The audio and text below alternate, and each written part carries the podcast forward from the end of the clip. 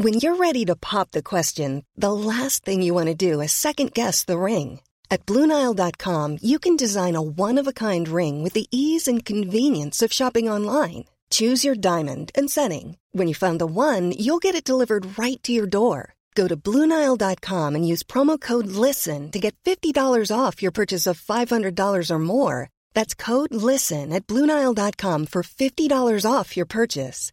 Bluenile.com code LISTEN. Hey, I'm Ryan Reynolds. Recently, I asked Mint Mobile's legal team if big wireless companies are allowed to raise prices due to inflation. They said yes. And then when I asked if raising prices technically violates those onerous two year contracts, they said, What the f are you talking about, you insane Hollywood ass? F- So to recap, we're cutting the price of Mint Unlimited from $30 a month to just $15 a month. Give it a try at mintmobile.com slash switch. $45 upfront for three months plus taxes and fees. Promo for new customers for limited time. Unlimited more than 40 gigabytes per month. Slows. Full terms at mintmobile.com. I'm Sandra, and I'm just the professional your small business was looking for. But you didn't hire me because you didn't use LinkedIn jobs. LinkedIn has professionals you can't find anywhere else, including those who aren't actively looking for a new job but might be open to the perfect role, like me. In a given month, over 70% of LinkedIn users don't visit other leading job sites. So if you're not looking on LinkedIn, you'll miss out on great candidates like Sandra. Start hiring professionals like a professional. Post your free job on linkedin.com/people today.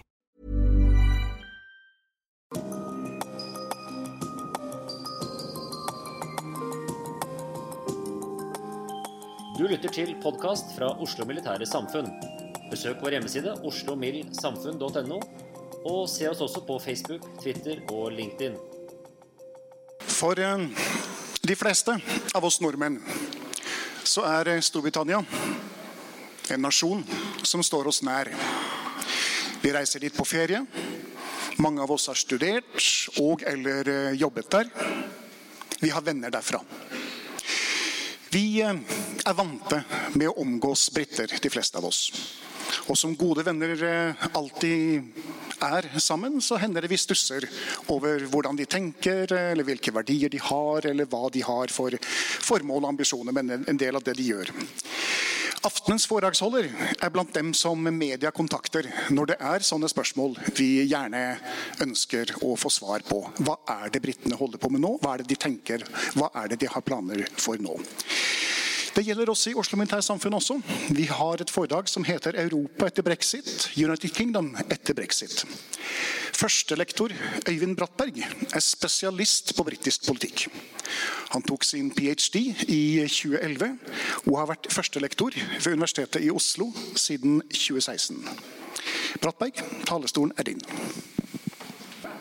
Hjertelig takk for, for eh, introduksjonen og for invitasjonen til å, til å komme hit. Det er en stor ære og stor glede, og også en formidabel utfordring. For å sammenfatte noe nær dagens tema på 45 minutter, det, det er ikke en oppgave som er lett å fylle. Jeg skal gi et idéhistorisk riss av forløpet og dels bakteppet for, eh, for brexit. Og selve etterspillet og den aktuelle politiske situasjonen det tror jeg ikke jeg kommer til å eh, lande så veldig trygt før klokken blir 18.45, men vi har et lite ordskifte i, i kjølvannet, så jeg håper vi kan, vi kan pense inn på det dere måtte, måtte lure på. Det er ikke til å komme fra at vi må starte med historien, enten vi vil det eller ei. Og, og den kan gjentas til det kjedsommelige, men er man opptatt av Storbritannias relasjoner med Europa og med europeisk integrasjon, så er vi nødt til å starte et sted. Og det stedet må være før 23.6.2016, hvor de holdt sin folkeavstemning om EU-medlemskap. Jeg tror jeg vil starte med å si at Storbritannia og Europa fra britisk side er et spørsmål om et forhold mellom, mellom to parter. Så stormannsgalt det enn måtte høres ut. Det er et forhold mellom en britisk part som er, som er nøkternt, pragmatisk, fornuftig, handelsorientert osv. Og et europeisk kontinent som er uregjerlig, komplekst, byråkratisk, bysantisk og skeptisk til britiske interesser. Slik har det alltid vært, slik vil det alltid være. Og brexit-affæren, utmeldingen av EU, er bare enda et brennpunkt kan man si, i den lange lange tidslinjen som handler om Storbritannia på den ene siden og det europeiske kontinent på den andre siden. Psykologisk så er denne måten å tenke på en, en snarvei til eh, hva skal man si, et kringvern om, en, om, egen nasjons interesser. Og Det er jo ikke uvanlig å betrakte utenrikspolitikk på denne måten. At det handler om vi og de andre. Og Det er den grunn, det grunnleggende skillet som, som eh, det meste faller tilbake til. I analyser av utenrikspolitikk så møter man ofte denne typen perspektiv når man snakker om f.eks. Russland og Russlands problematiske forhold til, eh, til, sitt omland. Og Tyrkia er et annet godt eksempel på, på, en nasjons utenrikspolitikk som ofte analyseres i et sånt komplisert, identitetsbasert vi mot dem. Og hvem er nå egentlig dem? Storbritannia er jo et land i Europa og Ser man nøkternt på det, så skulle man jo ikke tro det var så mye mer enn det. Er det noen grunn til at Storbritannia skulle ha et like vanskelig forhold til sine omgivelser som noen av disse andre landene jeg har nevnt? Tyrkia er et veikryss mellom Europa og Orienten. Det er ikke rart at tyrkisk utenrikspolitikk er et komplisert fenomen. Storbritannia er et land i Europa, riktignok et litt særegent land i Europa. men de fleste land er jo særegne på sitt vis. Så hvorfor skulle det være så vanskelig for britene å forholde seg til europeisk integrasjon og europeisk samarbeid? Vi må se til historien, og det er, eh, det er den røde tråd jeg vil, vil, holde fast i. Og ikke da bare historien i form av faktisk historisk erfaring, men måten den erfaringen har blitt tolket på og sydd inn i britenes institusjoner, verdisett og tenkemåte. Man har valgt å forholde seg til egen parlamentarisk tradisjon som noe utenfor og annerledes fra det europeiske. Man har, eh, man har besluttet å se på ens eget fordums imperium eh, og dagens samvelde som noe som gjør en annerledes enn andre. Og man har valgt å se på forholdet over Atlanteren til USA som noe helt spesielt, som definerer britene bort fra Europa, i alle fall delvis. Anthony Eden ble i 1955 Winston Churchills etterfølger som britisk statsminister. Eh, det var et etterlengtet skifte, iallfall for hans egen del. For det hadde han ventet, ventet, lenge på. Tre år tidligere, mens han fortsatt var utenriksminister under Churchill, så kom han med et sitat som er, som er ganske talende. Det var talende den gang og talende i dag. Storbritannias historie og interesser strekker seg langt videre enn Europa. Uten dette grunnleggende premiss ville vi knapt vært mer enn noen millioner mennesker på en øy ved Europas kyst som ingen ville være videre interessert i. Skal man beholde en oppfatning og fornemmelse av britisk storhet, så kan, så kan, ikke Storbritannia først og fremst være europeisk. Det er den verdien som, som synliggjøres her, og som på mange måter brexit-prosessen handler om også. At Storbritannia er nødt til å være noe mer. Og blir, blir eh, forankringen for sterk til et Europa man ikke egentlig vil binde seg til, så kan tiden være kommet for å, for å bryte, bryte, forbindelsen helt og holdent. Uttalelsen til, til Eden passer ganske godt med en litt sånn ubarmhjertig analyse som man også får høre i dag. Storbritannia har vendt ryggen til eh, det som er de faktiske forhold omkring dem. Baserer seg på, på noen ideer om det som var ja, det som var, imperiet som var, storheten som var. Og gjør en slags mislykket eh, manøver overfor Europa, som setter en selv på sidelinjen. Det er en analyse som har, har noe hold. Den er ikke helt uten hold, tror jeg i alle fall vi kan, vi kan si.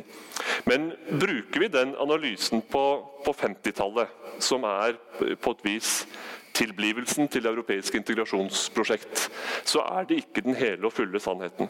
Vi skal skjele til Edens forgjenger, Winston Churchill.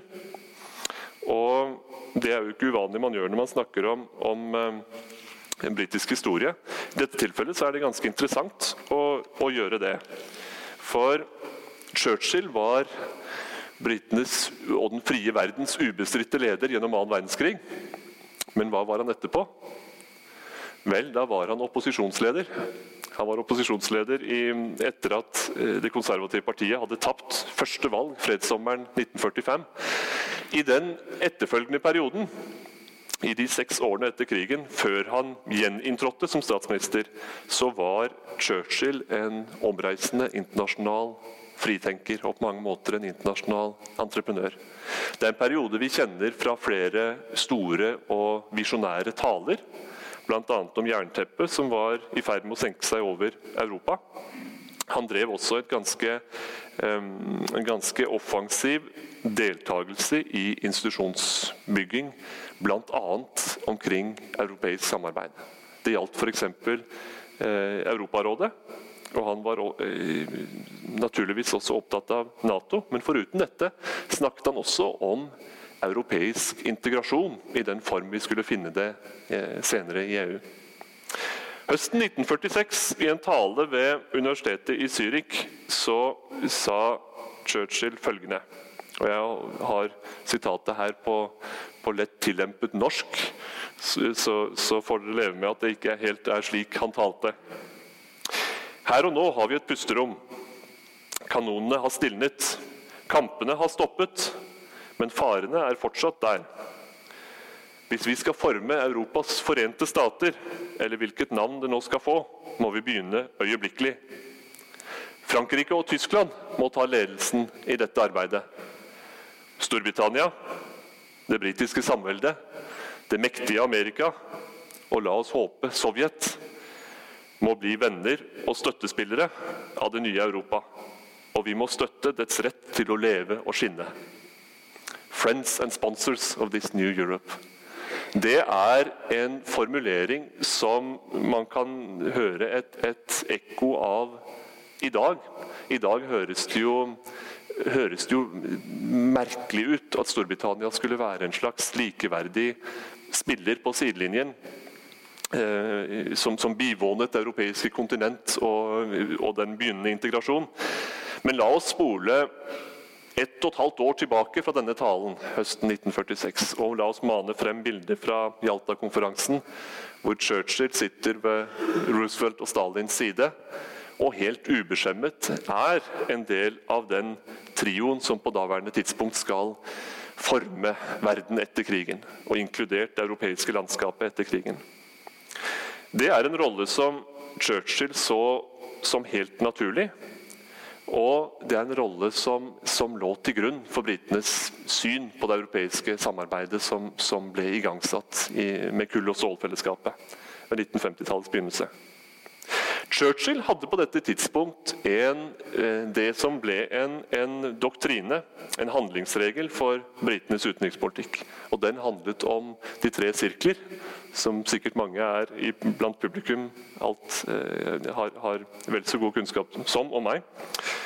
Ehm, de tre sirklene, Europa, det britiske samveldet og Den atlantiske alliansen, eller det spesielle forholdet til USA Churchills idé var at Storbritannia hadde en unik posisjon i global politikk fordi man kunne se seg selv som del av alle tre sirkler. Om nødvendig balansere de mot hverandre, men framfor alt sørge for å være innenfor alle tre sirkler. Og dermed kunne være en, en, en aktør med venner i mange leire og med partnere i mange leire. Det betød ganske enkelt at man kunne ikke legge alle eggene i, en kurv. Man var nødt til, som brite, i hvert fall som britisk statsmann, å forstå at relasjoner må bygges i ulike retninger. Historiske, eh, historiske forhold må tas i betraktning for å gi en slagkraft her og nå. Det går, et, eh, det, det går en linje fra Churchills handlingsregel gjennom hele den kalde krigens utenrikspolitikk. Og så går det en linje av forvirring kan man kanskje si, fra murens fall frem til dags dato. Om britene egentlig nå skulle kaste seg helhjertet ut i det europeiske prosjektet. Om samveldet fortsatt har samme relevans. Om forholdet til USA fortsatt har samme relevans. Den forvirringen kan man også si at eh, brexit på et vis er et et svar på. at eh, en del av den britiske politiske eliten mener at eh, Storbritannia har kjørt seg så fast i det europeiske prosjektet at tiden var kommet for å betone de andre to. Altså det man kaller for Global Britain, basert på gamle vennskap over hele kloden. Og en relasjon til USA som man fortsatt mener er helt spesiell. På dette tidspunkt så er det naturlig å, å minne om at ideer har en ganske vesentlig rolle å spille i, i, utenrikspolitikken. Man kan snakke vel og lenge om strategiske interesser, men hvordan de interessene tolkes og forvaltes, er naturligvis avhengig av beslutningstagernes ideer. Og De ideene handler både om hva som er normativt godt, altså verdt å strekke seg mot og riktig å strekke seg mot. Og de handler om hvordan verden faktisk fungerer. Og Når det gjelder hvordan verden faktisk fungerer, så kan man kanskje si at noen av vår samtids britiske politikere har noen litt pussige ideer også. Det, man, det, det er i alle fall eh, en kort vei til, til den oppfatningen. Um, når det gjelder hva F.eks. hva eh, relasjonen, det spesielle forholdet til USA kan brukes til. For er det noe hensiktsmessig og er det noe bærekraftig å spille seg ut over sidelinjen vis-à-vis -vis Europa og satse på at Storbritannia og britiske interesser kan hegnes om og vernes gjennom en global strategi og en amerikansk strategi? Det spørsmålet lar jeg henge i luften, og så skal vi vende tilbake til det mot, uh, mot, mot slutten. Og Når vi da nærmer oss slutten, så kan vi også mane frem et, et uh, bilde muligens av statsminister May på, på, besøk i Det hvite hus hos president Donald Trump som et forsøk på å ivareta et vennskap over eh, Atlanteren. Som britiske regjeringer er villige til å ofre mye for å opprettholde. Og de er villige til å ofre mye for å beholde en plass først i køen. Selv om det da er 320 km er det vel til, til Brussel. Det er kortere enn fra Oslo til Stavanger. Og det er betydelig lenger over, over Atlanteren. Så virker det ofte som, som det mest naturlige sted fra London å feste blikket, det handler om den amerikanske østkysten, og ikke om de 30 km over kanalen. Og slik har, det, slik har det i varierende grad vært gjennom etterkrigstiden, og slik er det, er det også i dag.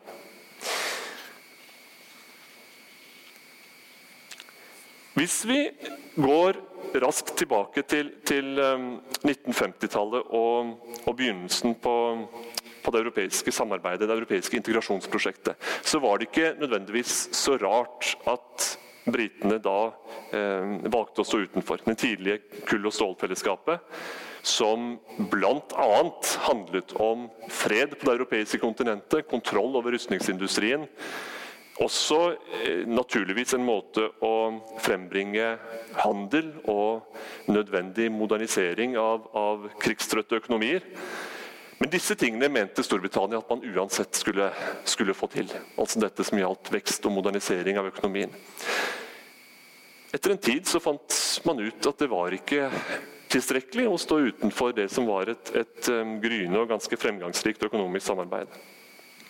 På, på det tidspunkt, dvs. Si to ganger i løpet av 1960-tallet, så forsøkte Storbritannia å tre inn.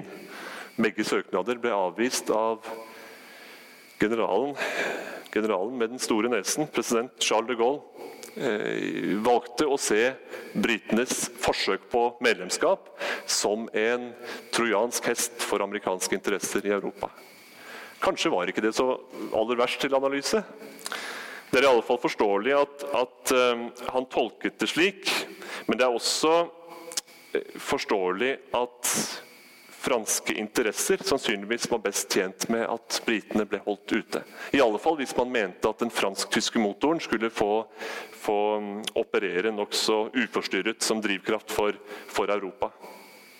Storbritannia måtte i alle fall i alle tilfeller vente til de Gaulle var, eh, var eh, gått av som, som fransk president. Etterfølgeren Pompidou hadde lite imot eh, den britiske søknaden, og dermed så ble Storbritannia medlem fra 1973. Norge ble det ikke. Danmark og Irland ble det i, i britenes kjølvann.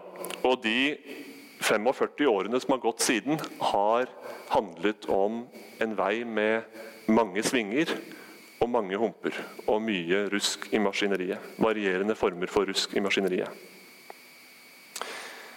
Den perioden som sterkest har preget Storbritannias faktiske medlemskap av EU, er Margaret Thatchers periode som, som britisk statsminister. 1979 til, til 90. Og Det er jo ikke så uventet å løfte det frem. Det tror jeg man vil gjøre uansett hvilke sider ved samfunnsutviklingen man er opptatt av. Så har de elleve årene ved makten hatt kolossal, kolossal betydning. Da Thatcher ble presset ut av statsministerstolen i 1990, så var hennes uforsonlige linje overfor EU en av grunnene til at, at, at, sentrale partifeller og et flertall i parlamentsgruppa etter hvert hadde en, en eh, sterk nok skepsis til hennes lederskap. Det var flere andre grunner eh, til det. Det var mye ved hennes lederstil som på dette tidspunkt hadde blitt mer enn kontroversielt. Og det var eh, den hjemlige såkalte koppskatten, som også var en, en kilde til, til, eh, mye uro. Men EU-spørsmålet var et av problemene. Og Etterfølgeren, John Major, fikk oppgaven å rydde opp i det som har blitt et svært trøblete forhold til, til Brussel og til eh, partnere i, i EU. Hva handlet denne uroen om? Det er veldig enkelt å definere en lederskikkelse som Margaret Thatcher som nasjonalt eh, orientert, patriotisk, eh, til tider nokså eh, aggressivt sådan. Altså en som først og fremst var opptatt av nasjonale interesser, og som næret en sterk skepsis til alt europeisk. Fullt så enkelt er det naturligvis ikke. I'm Sandra, and I'm just the professional your small business was looking for. But you didn't hire me because you didn't use LinkedIn jobs. LinkedIn has professionals you can't find anywhere else, including those who aren't actively looking for a new job but might be open to the perfect role, like me. In a given month, over 70% of LinkedIn users don't visit other leading job sites. So if you're not looking on LinkedIn, you'll miss out on great candidates like Sandra. Start hiring professionals like a professional. Post your free job on linkedin.com/people today. Millions of people have lost weight with personalized plans from Noom, like Evan, who can't stand salads and still lost 50 pounds. Salads, generally, for most people, are the easy button, right? For me, that wasn't an option. I never really was a salad guy. That's just not who I am. But Noom worked for me. Get your personalized plan today at Noom.com. Real Noom user compensated to provide their story. In four weeks, the typical Noom user can expect to lose one to two pounds per week. Individual results may vary. Thatchers periode ved makten var snarere preget av gedigne paradokser i Storbritannias relasjon til Europa. For på den ene siden så kjenner vi igjen den nasjonale, patriotiske, EU-skeptiske linjen. F.eks. i britenes forhandlinger om EU-bidrag, altså økonomiske bidrag og den rabatten som hun fikk fremforhandlet etter mye, eh, etter mye støy tidlig på 80-tallet. Det som derimot trekker i motsatt retning, var hennes regjeringers meget offensive syn på frihandel og ønske om betydelig styrket frihandel innenfor EUs rammer. Storbritannia var en viktig drivkraft, kanskje den aller sterkeste drivkraften, bak det som ble eh, enhetsakten som la premissene for det indre marked. Innføringen av det indre marked. De fire friheter den frie bevegelsen av varer, tjenester, arbeidskraft og kapital var virkelig en kjerneverdi i det markedsliberale prosjektet som Thatcher tegnet opp. Og det skal vi huske, fordi EU-skepsis kommer i mange former. EU-skepsis er ikke noe entydig fenomen. Og en sterkt ideologisk høyreorientert leder som Margaret Thatcher kunne på en og samme tid være sterkt patriot og samtidig en forkjemper for Eh, tett europeisk integrasjon hva gjelder frihandel. Bygge ned grenser for handel, bygge ned barrierer og tillate en langt friere flyt som skulle drive frem eh, markedet på sitt, mest, på sitt mest effektive. Det var enkelt og greit akkurat den siden av det europeiske samarbeidet. Det som derimot ikke var enkelt og greit, og som etterfølgeren Major fikk, fikk bakse med, var tankene på det europeiske kontinentet om hva som bør følge et fritt marked, når man først har fått det etablert. For i EU-systemet og blant de fryktede kontinentale krefter så var det mange som mente at oppretter man et marked, så bør det følge institusjoner. Tar man sikte på et, et, felles, et, et felles, europeisk økonomisk rom, så bør man utvikle noe tilstrekkelig overnasjonalt som regulerer det økonomiske rommet. Man trenger en, en sterk EU-kommisjon. Og ikke bare det, man trenger en sosial dimensjon. Eh, minimumsrettigheter i arbeidslivet. Eh, kanskje grunnrisset av en europeisk velferdsstat, foruten samarbeid på en lang rekke andre politikkområder. For har man først et marked som har blitt trukket så langt, og som på sikt også skal få sin felles valuta, mente man, så bør naturligvis politikken følge etter markedet. Og politikken utvikle like så sterke felles europeiske institusjoner som det markedets aktører har gått foran med. Da var det noe som gikk i vranglås for britene. Og Det sier oss også noe om at den toneangivende EU-skepsisen i Storbritannia er høyreorientert, frihandelsorientert og av en veldig annen art enn den skandinaviske EU-skepsis vi lever av og på. I hvert fall noen gjør det her i Norge. Det finnes fellestrekk. Det finnes en felles søken mot nasjonal sjølråderett en vekt på, på, mm, nasjonale institusjoner og nasjonale beslutningstagere som det, det, legitime. I Storbritannia kjenner man igjen det eh, i at, at eh, parlamentet regnes som den eneste legitime kilde til noen beslutning. Altså noen, Ingen lov skal kunne overprøve et parlamentsvedtak signert av dronningen. Dette er jo et, et grunnris av parlamentarisme vi også kjenner igjen. I Storbritannia er det på mange måter symbolet på nasjonal suverenitet. Der har vi et, et, slektskap over Nordsjøen.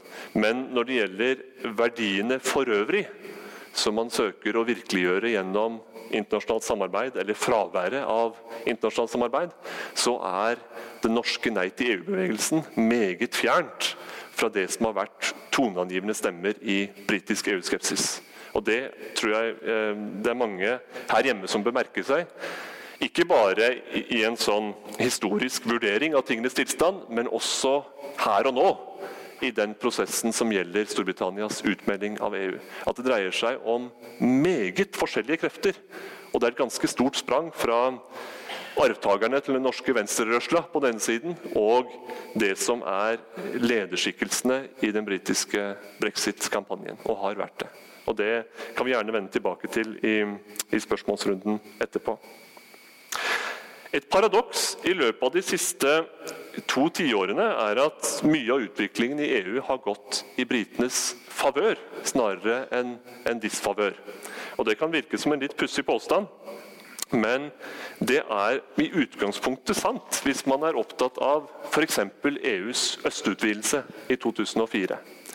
Her handlet det om utvidelse i bredden snarere enn noen kraftig fordypning av det europeiske prosjektet. Det handlet om å åpne nye markeder og utvide Den europeiske union som felles økonomisk rom. Det var i utgangspunktet noe britene var forkjempere for. Noe Margaret Thatcher snakket om, bl.a. i sin beryktede eh, bryggetale i 1988. Så snakket hun eh, nokså visjonært om at EU måtte være et prosjekt som favnet om hele Europa som et marked for hele Europa. I 2004 fikk britene det slik.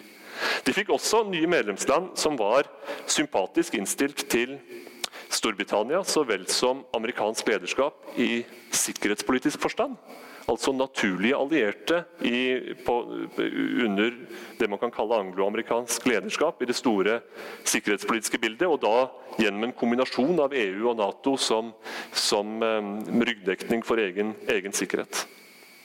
Det man derimot også fikk, og som har vært en kilde til mye av det, den uro vi har sett i Storbritannia nå, det er arbeidsmigrasjon. arbeidsmigrasjon i ganske gedigent omfang. Storbritannia var ett av bare tre EU-land som ikke satte noen form for eh, overgangsordning for den frie bevegelsen av arbeidskraft. De to andre var Irland og Sverige. Det betød at fra første stund etter utvidelsen i 2004 så sto arbeidstakere i øst fritt til, de sto fritt til å reise til de britiske øyer. Fritt til å søke arbeid på de britiske øyer. Og, og det bidro til en, en, bølge som var ganske gedigen. Den opplevdes som ganske gedigen. Eh, med, med, en særlig vektlegging av, av eh, polakker, eh, baltere, også tsjekkere. Senere, i kjølvannet av finanskrisen, også søreuropeere, altså det man kan kalle eurosoneflyktninger. Summen er at intern EU-migrasjon har bidratt vesentlig til det, man, det, mange i Storbritannia etter hvert opplever som et, en um, nettoinnvandring som ikke er bærekraftig. Kort sagt ikke er bærekraftig. En nettoinnvandring som ikke er vesentlig større enn det Tyskland har fått oppleve, f.eks. Hvis, eh, hvis man regner eh, innvandring per, per, per capita. Og her, her, snakker jeg om Tyskland i form av europeisk innvandring, og ikke om flyktningsituasjonen. Storbritannia er ikke veldig eksepsjonelle eh, når det gjelder omfanget av europeisk innvandring. Men oppfatningen av dette omfanget er vesentlig forskjellig fra de fleste av EUs medlemsland. Det handler noe om hvordan det britiske arbeidsmarkedet er organisert. Ehm, innvandring fører meget lett til et slags 'race to the bottom', altså en, en nedadgående spiral hvor, eh, hvor lønns, altså konkurransen om lønn eh, lett styrer nedover, i fravær av felles tariffer og en, og en sterk fagbevegelse. Det handler også om et ganske gedigent press på boliger, infrastruktur, offentlige tjenester osv. i det som det er lett å glemme, er et av Europas tettest befolkede land. Følelsen, erkjennelsen av at båten er full, at det, her er det ikke, ikke, plass til flere, og vi trenger i det minste en måte å regulere deres, eh, deres eh, ankomst på. og Vi trenger å gjenopprette en form for kontroll over våre grenser. Den erkjennelsen har stått så sentralt i den eh, opinionsbølgen som bidro til brexit-avstemningen. Veldig sentralt. Og Det er lett å, å skyve dette til side i i, i Norge. Fordi vi ikke har altså vi har et streif av den samme debatten, men innvandringsdebatt hos oss handler om veldig andre sider ved innvandring. Det handler ikke først og fremst om europeisk arbeidsinnvandring. I Storbritannia har svært mye av innvandringsdebatten i løpet av dette siste tiåret handlet om europeisk arbeidsinnvandring. Og Det har vært et, et uh, vesentlig argument for uh, eh, UK Independence Party det høyrepopulistiske partiet som, som for opp som en løve og siden har blitt en, en skinnfell. Deres mobilisering ledet fram til nesten 13% oppslutning ved parlamentsvalget i 2015. Og det var et slags klimaks. Og det var altså året før folkeavstemningen faktisk ble, ble holdt, sommeren, sommeren 2016. At folkeavstemningen faktisk ble holdt, var en beslutning som handler om statsmannskunst, eller kanskje vil noen si fraværet av statsmannskunst. Det var David Camerons egen beslutning å forsøke å ta luften ut av ballongen eller stikke hull på verkebyllen. Få løst det som var en vanskelig debatt, en vanskelig opinion, og stadige påstander om at han, han, var redd for å la folket komme til jordet. Vel, la folket komme til jordet, var, var omkvedet fra Camerons side. Han lovet det i god tid før dette valget, og forutsetningen var at han skulle bli gjenvalgt. Noe han overraskende nok ble. Overraskende nok for de fleste observatører, i alle fall. Så ventet en, et forsøk på reforhandling med EU som ikke førte til så mye. Det førte i alle fall ikke til noen, noen vesentlig begrensning på fri bevegelse av arbeidskraft. Resultatet var at det britene stemte over sommeren 2016, for det vesentlige var det eksisterende EU-medlemskap. Ønsker vi å være med på det europeiske prosjektet, ønsker vi deg? Resultatet kjenner dere. 52-48 i favør av utmelding av Den europeiske union. Et resultat som ikke er vesentlig forskjellig fra det vi har danset gjennom ved to korsveier, 1972 og 1994. På mange måter er det ikke til å overraskes over i det som er og har vært et grunnleggende EU-skeptisk eh, land. Altså en EU-skeptisk politisk elite med en EU-skeptisk befolkning. Likevel var overraskelsen ganske stor i praksis, fordi de aller fleste ventet at pragmatisme, eh, kjøpmannsvett og 'vi vet hva vi har og ikke hva vi får', ville bety at resultatet falt ned på motsatt side. Altså at man ville få et flertall, neppe noe veldig stort flertall, men et rimelig trygt flertall i favør av ja til fortsatt EU-medlemskap. David Cameron som statsminister var ganske overbevist om dette. Og han hadde brukt strategien før i folkeavstemningen i Skottland om uavhengighet. Der gikk det til syvende og sist ganske greit. 55-45 i favør av fortsatt union. I EU-avstemningen gikk det slett ikke slik. Det som var slående bak dette jevne resultatet, 52-48, var ganske kolossale eh, forskjeller internt. Dels geografisk og dels sosialt. De geografiske skillene er dere nok ganske kjent med. At London og Skottland markerte seg sterkt på, på, på ja-siden. Henholdsvis 60-40 og 62-38 i favør av EU-medlemskap. Mens det som realiteten vippet flertallet i favør av et nei, kom fra ganske uventet hold. Det var ikke det velbeslåtte nasjonalpatriotiske Sør-England, hvor EU-skepsisen er fløyelskledd og konservativ. Det var snarere i det industrielle Nord-Englands dystre bakgård. Det som en gang var økonomisk fremgangsrikt, med sikre, trygge jobber, en, en sterk arbeid, organisert arbeiderklasse, og som i dag er sterkt preget av en fordums industriepoke, en nåværende serviceøkonomi med dårlige, usikre jobber, og med internasjonale økonomiske kastevinder man føler seg maktesløs overfor. Det handler et stykke på vei også om innvandring. Det handler også om veldig mye annet. F.eks. det faktum at ens egen arbeidsplass avgjøres på et styrerom i Japan, og ikke, eh, ikke på nærmeste Ikke i, i, i, de kontorene som det er høyt under taket på i bygningen ved siden av. Det er en følelse av maktesløshet som handler om veldig mye, inkludert politikerforakt og, en, en, globaliseringsskepsis som vi kjenner igjen i, i, mange andre nasjonale valg som handler om helt andre ting enn EU-medlemskap. EU-avstemningen ble en, en egnet mulighet til å si nei og til å si stopp til alt dette. Og hva alt dette er, det er noe av det som den britiske regjeringen og statsminister Theresa May har forsøkt å bakse med etterpå. For hva var egentlig mandatet fra velgerne? Hva ønsket man seg i det man sa nei til EU?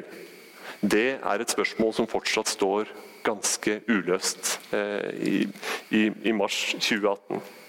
Noe av det som gjør det veldig komplisert, er at de geografiske forskjellene også var matchet av, en, av sosiale forskjeller av fundamental art. Utdanning er den aller tydeligste forklaringsvariabelen hvis man skal, skal um, fastslå hvor den enkelte velger havnet i dette spørsmålet. Kjernevelgeren på nei-siden, kjernevelgeren de, blant de som støttet brexit, er en godt voksen person med eh, grunnskoleutdanning arbeiderklassetilhørighet, hvit etnisk, eh, altså hvit, hvit brite, hvit engelsk spesielt, av etnisitet, og tilhold utenfor de store byene. Der var brexit-flertallet veldig, veldig sterkt. På motsatt hold, unge, eh, høyt utdannede, eh, komfortable med teknologisk endring, kulturell endring, komfortable med moderniteten. Der var flertallet for EU-medlemskap tilsvarende stort. Og Denne kløften har bare blitt forsterket siden. har, det er ganske ferske eh, opinionstall som sier at i aller yngste aldersgruppe, altså 18-24 år, så er det mer enn 70% flertall for EU. Eh, det var det, og det er det. Det, det står stabilt. Blant eh, blant de over, velgere over 75 år så er bildet diametralt motsatt. 70-30 i favør av brexit. Da som nå. Tallene står som skrevet i stein fra, fra sommeren 2016 og er der fremdeles. Og Utdanningsaksen og aldersaksen ligger så å si parallelt i dette, i dette bildet. Og Da kan man jo lure på hvordan, hva, altså hva slags signal dette skulle gi om det liv man ønsker seg etter brexit. Hva slags utmelding er ønsket, og hva slags samfunn er ønsket som en, en konsekvens av dette, av dette man nå står oppe i. Derom strides de lærde. En eller annen form for kontroll over egne grenser, utvilsomt. En eller annen form for medlemskap, som, unnskyld, utenforskap som gjenoppretter nasjonal suverenitet, utvilsomt. Men hva slags handelsbånd til EU, hva slags samarbeid med EU, der trekker, eh, trekker, krefter i Mays parti og hennes regjering i så fullstendig forskjellige retninger at forhandlingene i realiteten ikke er mellom London og Brussel, skjønt de er også det. De er mellom statsrådskontorer og mellom regjering og parlamentsgruppe i London. Og Det er noe av det som har gjort dette så fenomenalt vanskelig og gjort det så, så underlig, kan man si. Fordi man på den ene siden har et EU som, som, tegner opp skjematisk i skriftsform og lange rapporter og klare retningslinjer, mens man på den andre siden har begavede britiske amatører som forsøker å, forsøker å navigere etter beste evne for å bli enige om hva man egentlig ønsker å oppnå. Hva er egentlig de mål man, man ønsker å, å oppnå? Det er, det er også et dilemma som er tilsynelatende uløselig. For britene ønsker fortsatt frihandel. Frihandel er og har vært en så ledende idé, en så førende idé og så sterkt ønske. Frihandel betyr markedsadgang til Europa. Hvordan får man markedsadgang til Europa samtidig som man skal være utenfor EUs indre marked? Vel, det finnes muligheter for å få det til. Det finnes en norsk modell som man i alle fall ikke kan, kan satse på. Hvor man står enda mer maktesløs enn man noensinne har gjort som EU-medlem. Det finnes en kanadisk modell som er en slags avansert frihandelsavtale. Men uten tjenestesektoren, og for britene så er, jo, er finanssektoren spesielt den, kanskje den aller viktigste økonomiske interessen å, å forsvare. Og en frihandelsavtale er en tungrodd meget tungrodd affære sammenlignet med den eh, dynamiske deltakelse i indre marked som, som Norge har, og som, som fullverdige EU-medlemmer har. Storbritannia har valgt, i alle fall er strategien slik smørgåsbordet tar over der eh, helt, helt, og fullt, der man tidligere bare har drømt om å ha en sånn relasjon til, til EU. Plukk og miks det man måtte ønske, og håp at motparten finner seg i det. Det er til dags dato lite som tyder på at, at EU er interessert i en så tilpasset, så skreddersydd løsning for et land som selv har valgt å, å melde seg ut av, eh, av, av, unionen. Og her er det jo et uttrykk 'to have one's cake and eat it too' som utenriksminister Boris Johnson eh, umiddelbart tok til seg. Fordi han, eh, han etter eget utsagn var, var eh, sterk tilhenger av, av, kaker, også i denne form. Vi kjenner det som Ole Brumm-tanken. Eh, og det er en, en tanke som, som neppe kan forfølges som forhandlingsstrategi. Ikke desto mindre så har det ligget under veldig mye av det den britiske regjeringen så langt har, har gjort overfor for, eh, for Brussel. En både-og-holdning både som er nokså faretruende. Det er et annet utsagn, som, som, eh, altså annen, et annet ordtak sagt, som, som, som, er at 'the proof of the pudding lies in the eating'. Det er vel og bra å ha oppskriften klar, det er vel og bra å ha et bilde av hva som nå skal skje, men det er først når desserten spises, når puddingen spises ved forhandlingsbordet, at man har kommet til et resultat. Og Det tror jeg også vi skal ta inn over oss her vi nå står. Eh, om et drøyt år så er Storbritannia etter alt å dømme ute av Den europeiske union. Og her og nå så ser det ut som det er en meget eh, brutal form for brexit som venter. Enten man vil eller ikke. Men vi skal huske på i en sådan stund at det er et forhandlingsbord hvor partene til syvende og sist har felles interesse av en løsning. Om ikke en løsning som matcher de nokså sære britiske interessene fullt ut, så i alle fall en løsning som hindrer fullstendig, en fullstendig eh, kollaps i fravær av en, en avtale. Så progresjon og kompromisser som det har vært veldig lite å se av så langt i disse forhandlingene, må på et tidspunkt eh, komme i fremste rekke. Og Kanskje blir vi overrasket i i det året vi går foran, overrasket over at man finner løsninger der løsninger tilsynelatende ikke ikke har vært tidligere.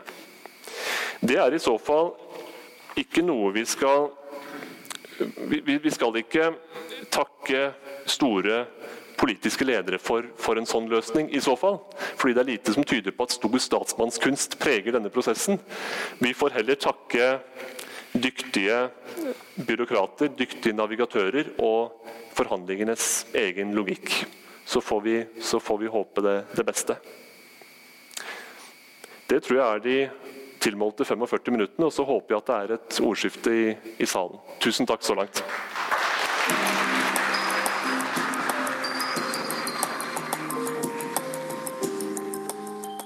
Du har hørt podkast fra Oslo Militære Samfunn.